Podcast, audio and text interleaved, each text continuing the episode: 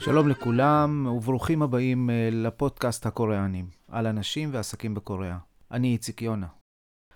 נסכם אה, את ענייני השעה בעסקים ובכלכלה בקוריאה בחודש שהסתיים ב-1 באפריל 2021. את תמצית העניינים תוכלו לקרוא בירחון קוריאה לעסקים שמפיקה קבוצת יונאקו, המומחים לעסקים בקוריאה. נתחיל קודם כל בפינתנו הידעת. הידעתם שבסיאול פרוסה רשת ה-5G המהירה ביותר בעולם, עם מהירות הורדה ממוצעת של 472 מגביט לשנייה. זו הרשת הראשונה שנפרסה אה, בעולם.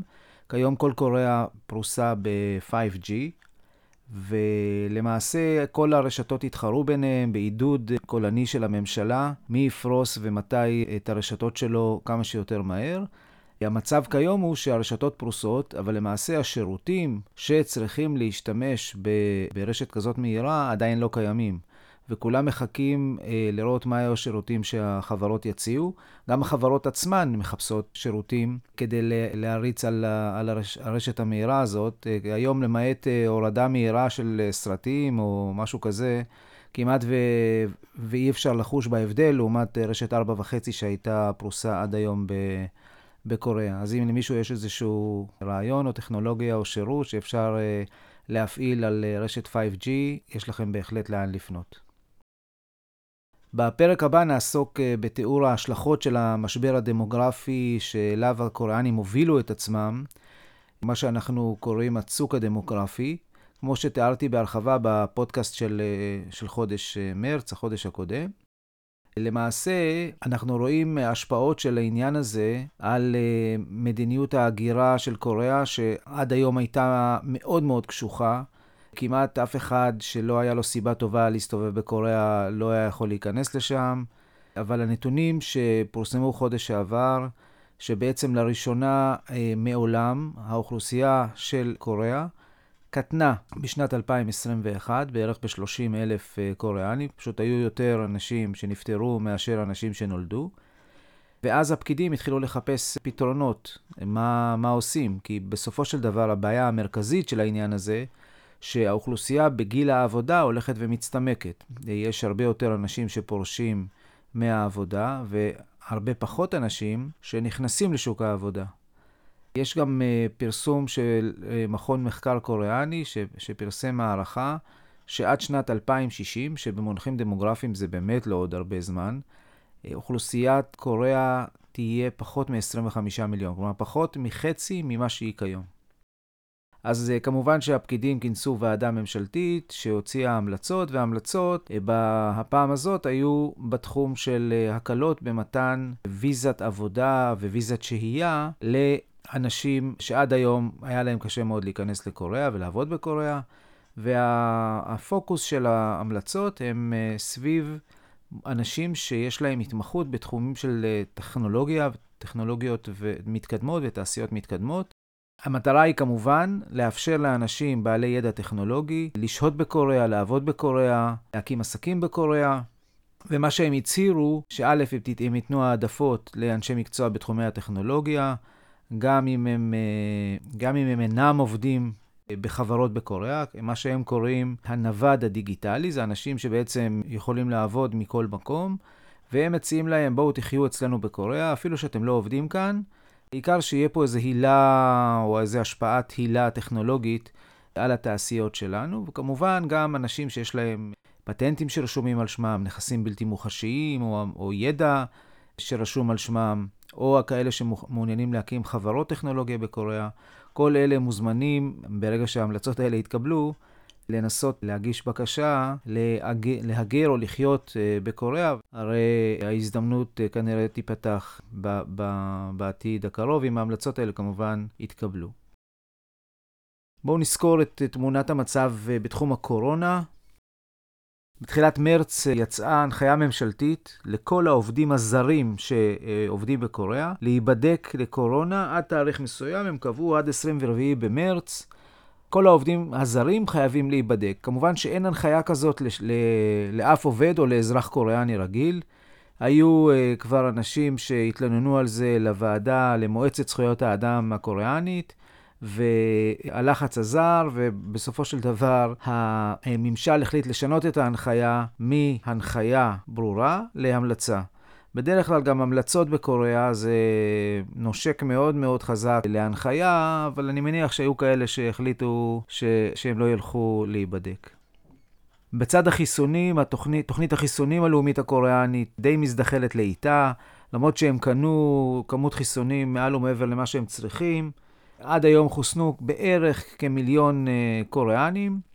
רובם המכריע, כמעט 90 ומשהו אחוז, חוסנו רק בחיסון ראשון, ולמעשה תרבותית קוריאנים יחכו לראות כמה, מה קורה עם כל האנשים שחוסנו, הם אף פעם לא, לא יתנפלו על החיסונים האלה, הם לא הרפתקנים כל כך uh, כמונו, ואנחנו נצטרך לראות איך, uh, באיזה קצב הם יחליטו ל- ללכת ולעמוד בתורים uh, לחיסון.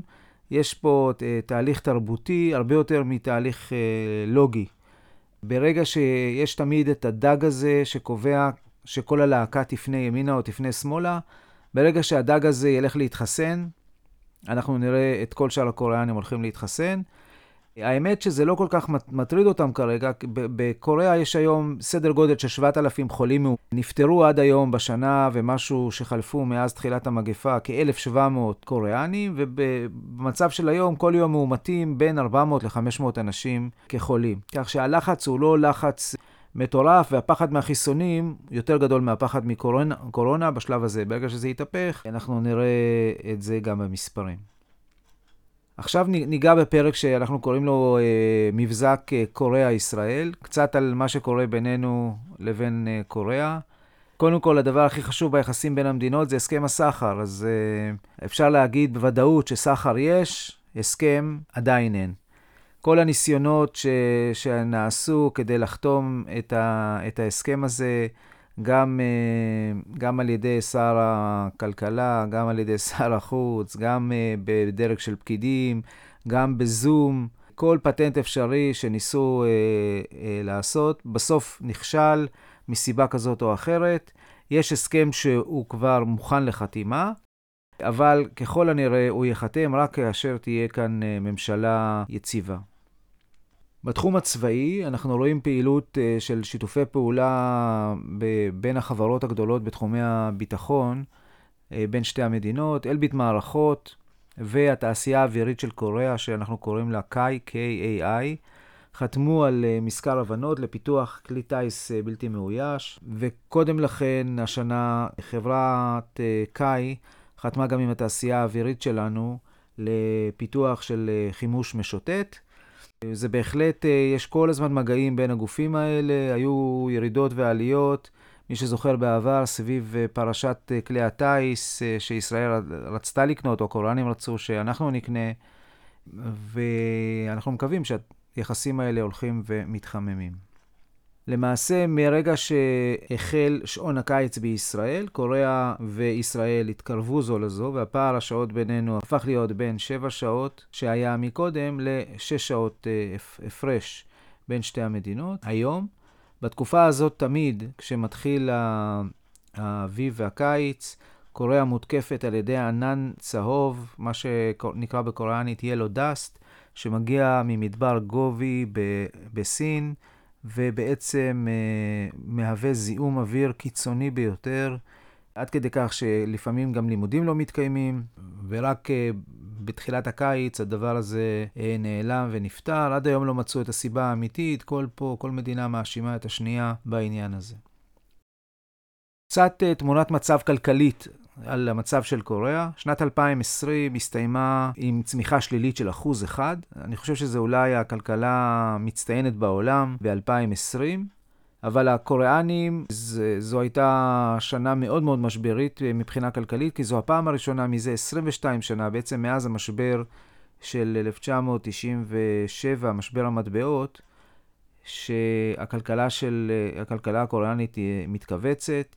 והם כמובן מתכוונים לשכוח אותה כמה שיותר מהר. אנחנו כבר רואים אה, השנה, בתחילת שנה, עלייה ב, ביצוא הקוריאני, שזה הלב של התעשייה, הלב של הכלכלה. בעיקר אה, עלייה ביצוא של אה, כלי רכב, יצוא של semiconductors, של, של מוליכים למחצה, שבעצם מובילים את כל הכלכלה הזאת החוצה ממוקד המשבר.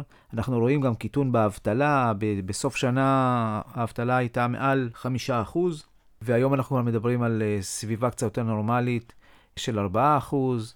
אנחנו רואים חברות גדולות שהן מגייסות מאות עובדים.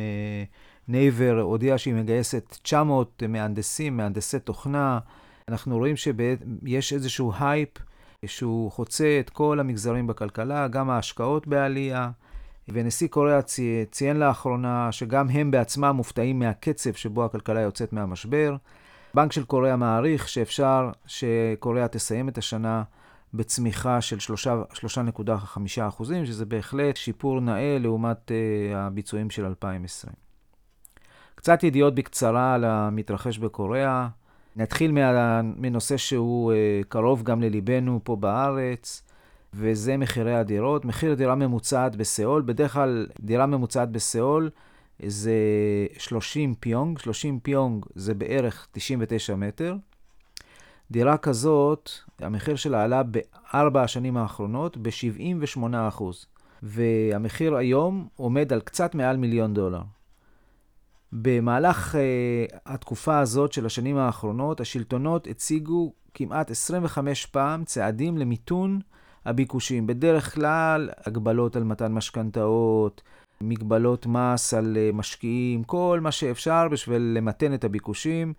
כמו שאנחנו מכירים מאצלנו, זה אף פעם לא עוזר. ולכן, הם פשוט עברו, הם ראו שזה לא עובד. בדרך כלל קוריאנים, אה, אחרי כמה פעמים, מבינים שזה לא הולך, והם חסרי סבלנות. הם פשוט עכשיו הלכו והחליטו שהם תוקפים את צד ההיצע, וכפי שדיווחתי בחודש שעבר, יש החלטה להקים כמעט שמונה, מעל 800 אלף יחידות דיור בסיאול והסביבה הקרובה לה, שזה אמור לפתור את אה, בעיית הביקושים לדירות באזור סיאול. בקשר עם הפעילות מול צפון קוריאה, אז uh, מי שנעלם מהזירה זה דונלד טראמפ ידידנו, ש, שצפון קוריאה הייתה מאוד קרובה לליבו. והוא ניסה לראות איך עושים פה קצת סדר. ברגע שהוא נעלם, אז הכל הרבה יותר שקט, יש הרבה פחות פעילות, אבל מצד שני, הקוריאנים אה, דואגים גם לעצמם. גם צפון קוריאה ודרום קוריאה הגישו בקשה מש... משותפת לארח את המשחקים האולימפיים בעוד 11 שנה, ב-2032. זה מראה שהם יודעים גם לפעמים להסתדר לבד אם הם רוצים. וכמובן זה לא הפריע לצפון קוריאה לשגר אה, שתי טילי, שני טילי ניסוי בליסטיים לכיוון הים אה, של יפן, רק בשביל להראות שהם עדיין, עדיין באזור והם מסוכנים. בתחום הצבאי, יש פעם בחמש או שש שנים שמגיע לקיצו המנדט האמריקאי על ניהול המלחמה בחצי האי הקוריאני. המטרה בעצם של האמריקאים זה לתת את שרביט הניהול של המלחמה לקוריאנים. עד היום, מאז בעצם אה, מלחמת קוריאה, ניהול המלחמה, ברגע שפורצת מלחמה, מי שמנהל את המלחמה זה גנרל ארבעה כוכבים אמריקאי, והוא מנהל גם את הצבא הקוריאני וגם את הצבא האמריקאי ש... שמשתתף במלחמה. הוא בעצם מנהל המלחמה. כל פעם האמריקאים והקוריאנים קובעים יעד, ואומרים, אוקיי, ביעד הזה אנחנו אה, מחזירים לקוריאה את השליטה על ניהול המלחמה. הפעם נקבע יעד, זה בשנת 2022. אני סקפטי, כי בפעמים הקודמות, כל פעם הקוריאנים הצליחו לשכנע את האמריקאים להמשיך אה, בתפקיד השומר של, אה, של דרום קוריאה. פשוט לא בא להם להיכנס לדברים האלה, הם מעדיפים אה, להתעסק בלפתח את הכלכלה שלהם ולא לדאוג למלחמות. בואו נראה מה יקרה ב-2022. בינתיים יש uh, תשלום שנתי שהאמריקאים, שהקוריאנים uh, משלמים לאמריקאים בגין הצבא שמוצב בדרום קוריאה, בגין הצבא, הצבא האמריקאי שמוצב בדרום, בדרום קוריאה, והשנה האמריקאים הצליחו להעלות את הסכום הזה ב-14%. הסכום השנה הסתכם בערך בקצת מעל מיליארד דולר. אני לא יודע אם האמריקאים מבסוטים, אם אתם זוכרים, דונלד טראמפ דרש חמישה מיליארד דולר בגין השירותי שמירה האלה. אבל מכיוון שהוא הלך, אה, מישהו אחר סגר את, ה, את העסקה הזאת. רק להזכיר שבקוריאה מוצבים 28 אלף חיילים אמריקאים באופן קבוע. פעם זה היה אפילו יותר, וחלק מהחיילים נמצאים בעיראק. בסמסונג יש הר של מזומנים, סמסונג אלקטרוניקה, יש הר של מזומנים, בערך 100 מיליארד דולר, וזה גם צומח בקצפים אה, מהירים כמעט כל רבעון. ובסוף מצאו פתרון מה לעשות עם זה. סמסונג החליטה, ה board של סמסונג החליט שהם יתחילו לחלק דיבידנד במזומן לבעלי המניות, החל מהשנה, כל שנה בשלושת השנים הבאות, כתשעה מיליארד דולר בשנה. צריך לזכור גם שהבעלים של סמסונג, או מי ששולט בסמסונג, משפחת לי, חייבת סדר גודל של עשרה מיליארד דולר במזומן לשלם לשלטונות המס אה, בגין מס הירושה של אה, אבי המשפחה שנפטר. אני מניח שהכסף הזה לא כולו יגיע לידיהם, כי האחוז ההחזקה שלהם הוא לא כזה גבוה, אבל הם, אה, זה חלק מהתכנון הכללי שלהם, איך לארגן את הכסף. כמו שדיווחנו בחודש שעבר, LG אלקטרוניקה הודיעה סופית ורשמית שבסוף יולי היא מפסיקה לייצר סמארטפונים, זה אחרי 26 שנה, שבשיאם היא הייתה היצרנית השלישית בגודלה בעולם לסמארטפונים, היא גם הובילה תהליכים אה, מאוד מאוד אה, אה, משמעותיים בתעשייה, אבל היא, הצליחה, היא פשוט לא הצליחה לעמוד בתחרות פעם אחת מול החבר'ה החכמים וה, והזרזים בסמסונג ובאפל.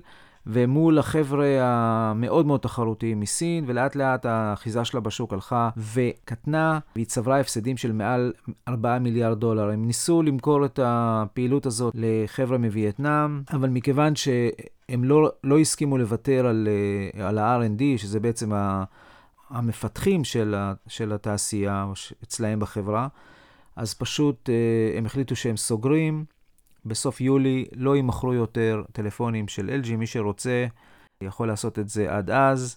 בכל מקרה הם התחייבו שהם נותנים תמיכה ושירות לכל הטלפונים שהם כבר, אה, אה, שיימכרו עד אותו מועד, זה לפחות גישה שירותית. הם עדיין רוצים לתת שירותים למוצרים האחרים שלהם. יש בקוריאה חמש יצרניות של רכב, בטח לא כולכם זוכרים מי, מי זה מי, אבל הגדולות הן אה, יונדאי וקיה, ששייכות לאותה משפחה, GM קוריאה, שפעם היה דאו, סניונג ורנו סמסונג, שהיום היא בבעלות מלאה של, אה, של אה, ניסן או ניסן רנו. בחודש מרץ, החבר'ה האלה כולם, כל התעשייה ייצרה קצת מעל 700 אלף כלי רכב לייצוא ולצריכה מקומית.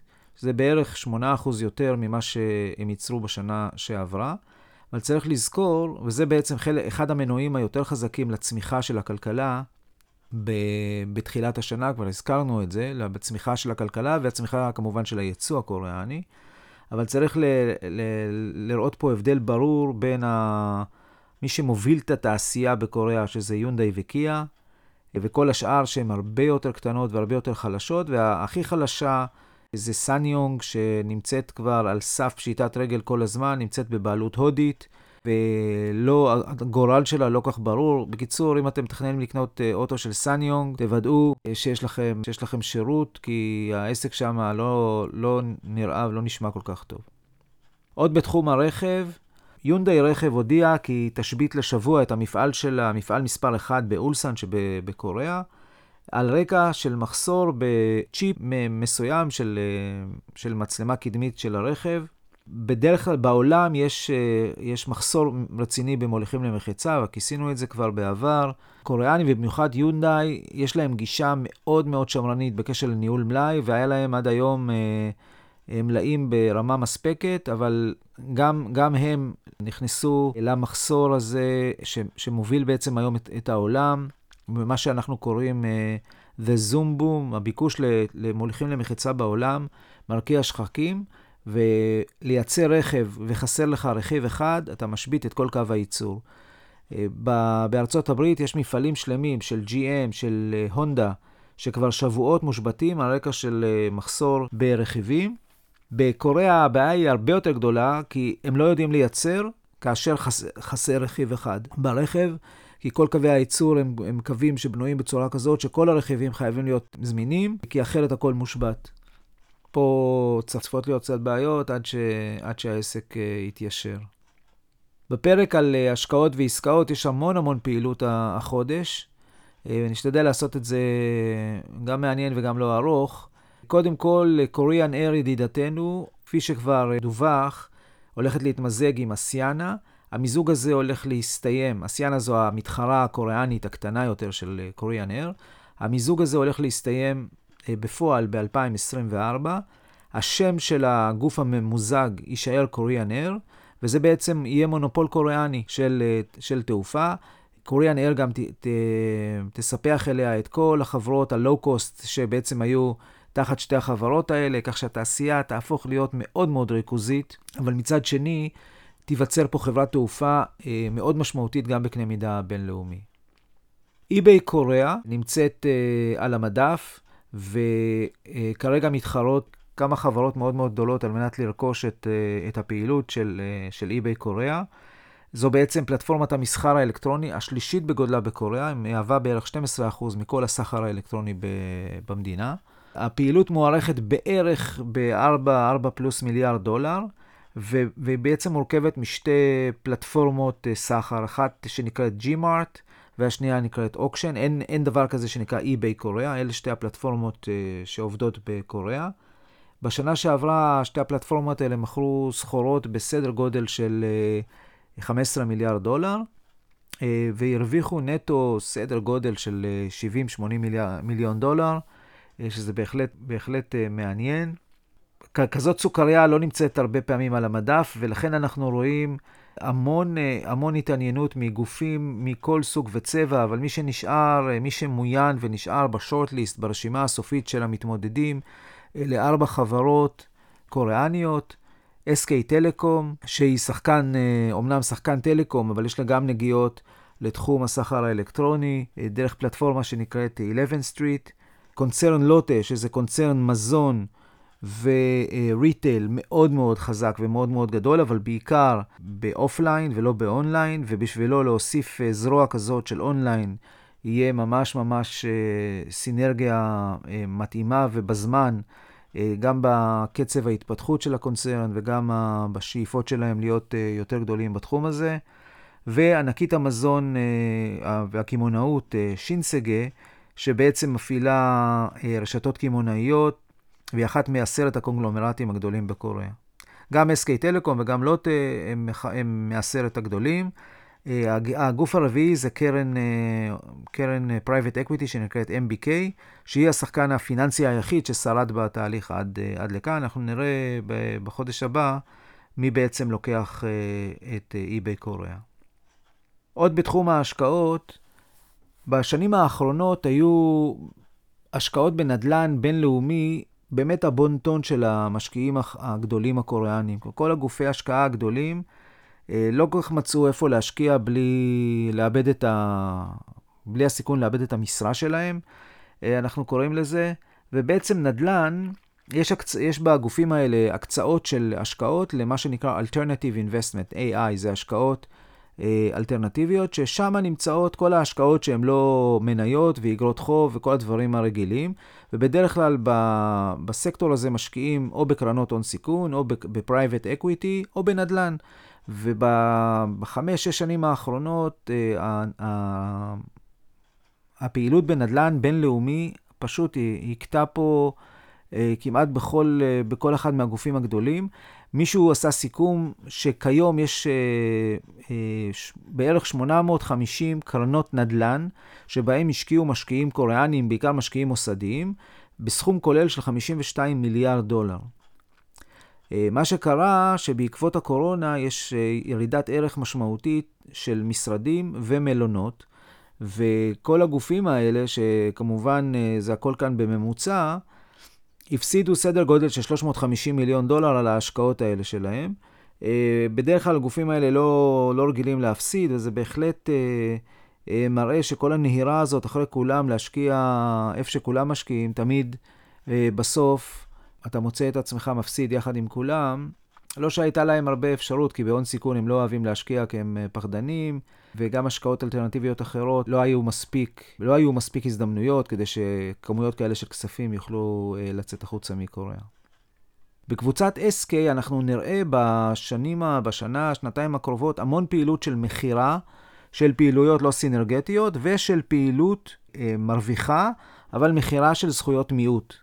המטרה של כל התהליכים האלה זה לפנות המון המון כסף שנדרש על מנת לבנות את תעשיית, את המגזר הכי בולט היום ב-SK, זה תחום הסוללות לרכב. צריך לבנות מפעלים בכל העולם, לייצר capacity, לייצר יכולת, יכולת ייצור גיאוגרפית, גם באירופה, גם בארצות הברית. ולכן הם מפנים משאבים על מנת לפנות כסף ולבנות ול, ולתחזק את כל ההשקעות הקפיטליות שנדרשות. החודש הם אה, העמידו למכירה 49% מחברה שנקראת SK Lubricants, זו אה, חברה שמייצרת אה, שמנים על בסיס של לובריקטים, מחזיקה מפעלים בספרד, באינדונזיה, בקוריאה, חברה רצינית וגדולה. המחיר של, של מחצית החברה מוערך בערך ב-2.3 מיליארד דולר. יש כנראה הערכה שגוף יפני, בית זיקוק יפני, הוא זה שייקח, הם גם שותפים שלהם במקומות אחרים, אז כנראה יכול להיות שהם יהיו המשקיע המועדף. ואנחנו נראה פעילויות כאלה נוספות אה, ב-SK, שעוד פעם המטרה היא לפנות כמה שיותר מזומנים כדי להתחרות מול, אה, מול LG, שהיא השחקנית הכי גדולה בקוריאה בתחום, מול, מול סמסונג SDI, שהיא בסדר גודל כמו, כמו של, של SK. כמובן מול הסינים ומול uh, האירופאים, שיש להם חברה חדשה שהתחילה להקים, שהתחילה להקים מפעלים לבניית צוללות וכולי וכולי. התעשייה הזאת תהיה דומיננטית מאוד בשנה הקרובה.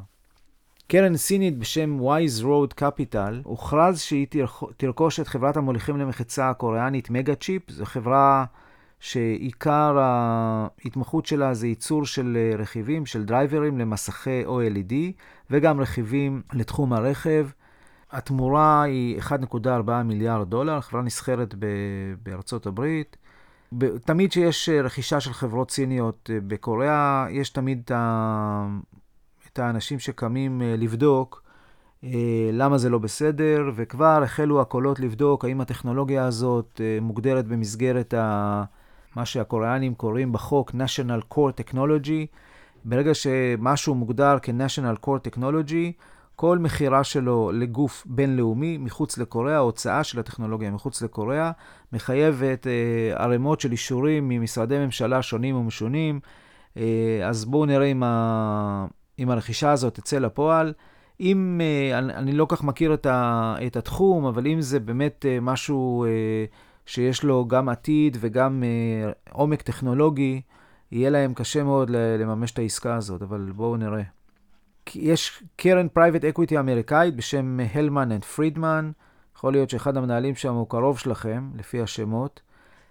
הקרן הזאת, קרן מאוד מאוד בולטת בארצות הברית, מנהלת כ-50 מיליארד דולר, עם ביצועים יפים מאוד, היא, היא אה, גייסה חצי מיליארד דולר משלושה משקיעים קוריאנים מאוד מאוד אה, חזקים ורציניים, גם קרן הפנסיה הממלכתית של קוריאה, NPS, גם קרן הפנסיה של, אה, של המורים וגם קרן העושר הלאומית, KIC.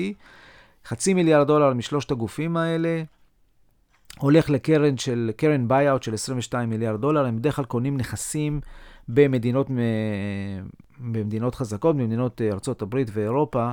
נכסים אה, יקרים, אבל עם ביצועים מאוד מאוד טובים, ויש להם גם uh, track record, גם הם מראים uh, החזרים מאוד יפים על ההשקעות שלהם. וזה מהלך יחסית אגרסיבי של הקרנות הקוריאניות, מכיוון שכמובן שאין היום תשואה נורמלית על הכסף, ושקרן פנסיה צריכה לשלם פנסיה למגזר הולך וגדל של עובדים, חייבים לדאוג לתשואה. הקרן שדיברנו עליה, קרן העושר הלאומית, KIC, פתחה משרד בעמק הסיליקון שהתמקד בהשקעות הון סיכון. החבר'ה האלה פתחו משרד בסינגפור לפני שנה, גם בשביל להתעסק יותר בהרחבת ההשקעות האלטרנטיביות שלהם. אה, עכשיו בעמק הסיליקון, וכשאנחנו דיברנו איתם, הם אמרו שעדיין לא הגיעו לישראל, אבל אה, הם, הם אה, באיזשהו שלב יתחילו לכסות גם, גם אותנו. בהחלט מהלך מעניין. בתעשייה מאוד מאוד שמרנית בתחום של הון סיכון. זה אה, נובע על רקע של חילופי הנהלה, אבל אה, זה בהחלט מהלך שהוא לא שגרתי בתעשייה, בתעשייה הקוריאנית. יש בקוריאה המון פעילות בתחום של פיתוח וייצור של אה, פתרונות אנרגיה שמבוססים על מימן. זה בעצם אנרגיה תחליפית לאנרגיה שמופקת מ... אה, מגז, מדלק, מפחם. מי שמוביל את התעשייה הזאת זה, זה יונדאי רכב. גם הממשלה הקוריאנית כבר בנתה סביב זה תוכנית, יש כלכלה מימנית, יש תוכנית שנקראת כלכלה מימנית וכולי וכולי. החודש הוכרז שיונדאי, ביחד עם ענקית הפלדה פוסקו, יחפשו ויפתחו פתרונות על מנת לייצר פלדה באמצעות אנרגיית מימן. במקום מה שעושים היום בתעשיית הפלדה, זה שימוש בפחם. אז כך שאנחנו נראה המון פעילות בתקופה, בשנים הקרובות סביב הנושא הזה.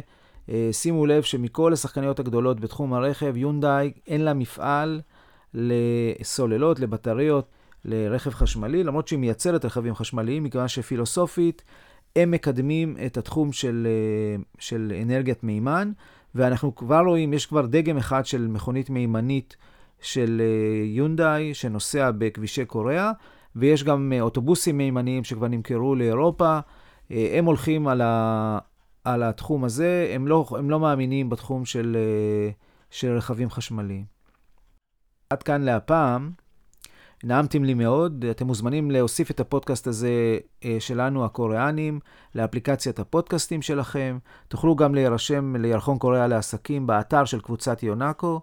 מאוד משמח לראות כל הזמן גם אנשים שנרשמים אה, לבלוג שלי, שנקרא הקוריאנים. צריך רק להקיש הקוריאנים או איציק יונה בגוגל ולסמוך על גוגל, זה, אה, אנחנו, אתם תראו אותנו בעמוד הראשון. תוכלו כמובן לכתוב לי ונדאג לחבר אתכם לאן שצריך. המייל שלי זה iy. At yonako.com, יונקו, y-o-n-a-c-o. אני כמובן זמין עבור, עבורכם uh, לכל מה שמסובך וקשור בקוריאה. תודה רבה לדן קריבולוטי, יועץ בכיר ביונקו uh, במשרד בארץ, על התמיכה, בעריכה ועל הביצוע הטכני. Uh, תודה לצוות שלנו בסיאול על כל התמיכה השוטפת uh, ועל התמיכה ועל זה שהם סולחים לנו שאנחנו מתעסקים לפעמים בפודקאסטים ולא בעבודה. אה, אני הייתי איציק יונה, וזה היה הפודקאסט אה, הקוריאנים לחודש אפריל 2021. יום עצמאות שמח לכולכם.